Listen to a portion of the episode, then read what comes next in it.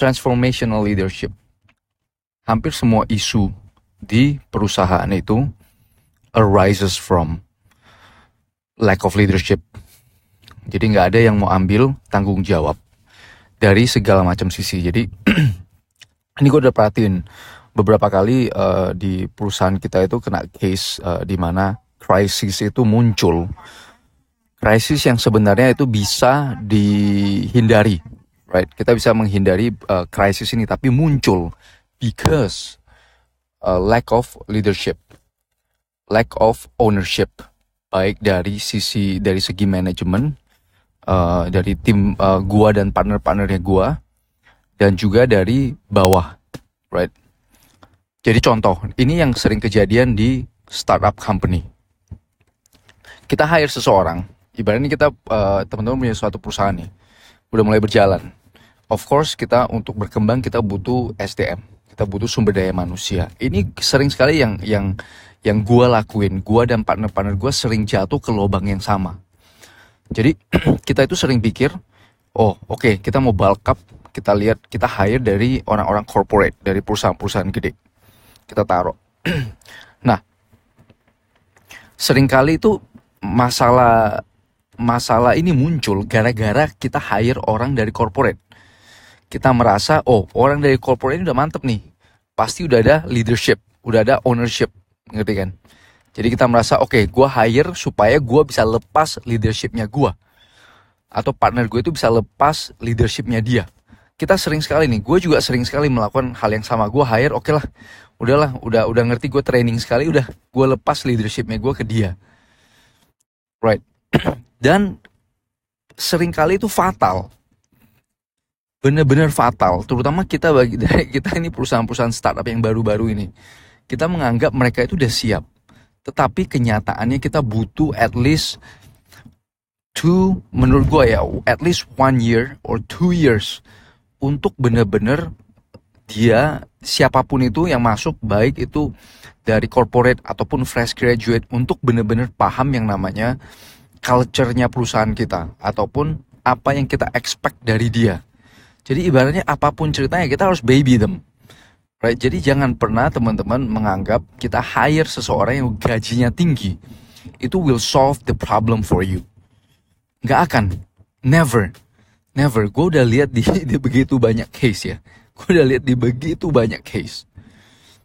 Ada tapi very rare, very extremely rare yang punya namanya transformational leadership.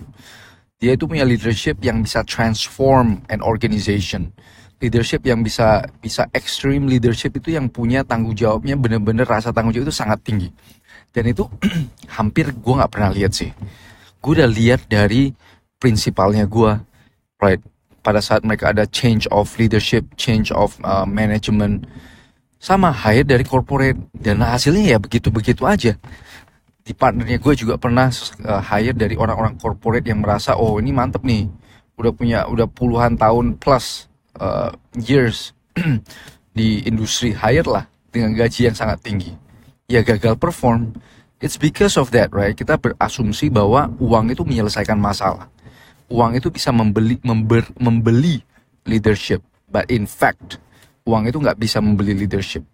Leadership itu must be nurtured from within. Right? Jadi leadership itu harus dibangun dari culture budaya perusahaan itu sendiri. Jadi kita mau shortcut, right? Kenapa kita spend money untuk hire orang-orang uh, dari corporate? Karena kita butuh shortcut, kita butuh waktu. Kita beli waktu. Oke, ini orang udah jadi nih di corporate 10 tahun plus. Oke, gue hire. Artinya gue bisa beli 10 tahun punya leadership. But it never is, right? It never is that. Gak bisa. Dan itu teman-teman jangan lakuin kesalahan apa yang gua dan partner gua udah sering lakuin. Do not do that. Always nurture leadership from within. Ataupun teman-teman hire dari corporate.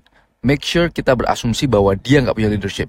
Jadi kita bisa build that communication, build that uh, energy together bukan berarti kita nggak boleh hire orang corporate right at some point itu kalau udah terlalu udah gede ya ya hire hire aja tapi kita harus ber, selalu berpegang teguh bahwa leadership tuh nggak bisa dibeli leadership tuh must be nurtured jadi kalau memang udah ada seednya udah ada bibitnya then we can nurture it fast right Tapi kalau gak ada gak ada gak ada gak ada bibitnya ya same shit, right?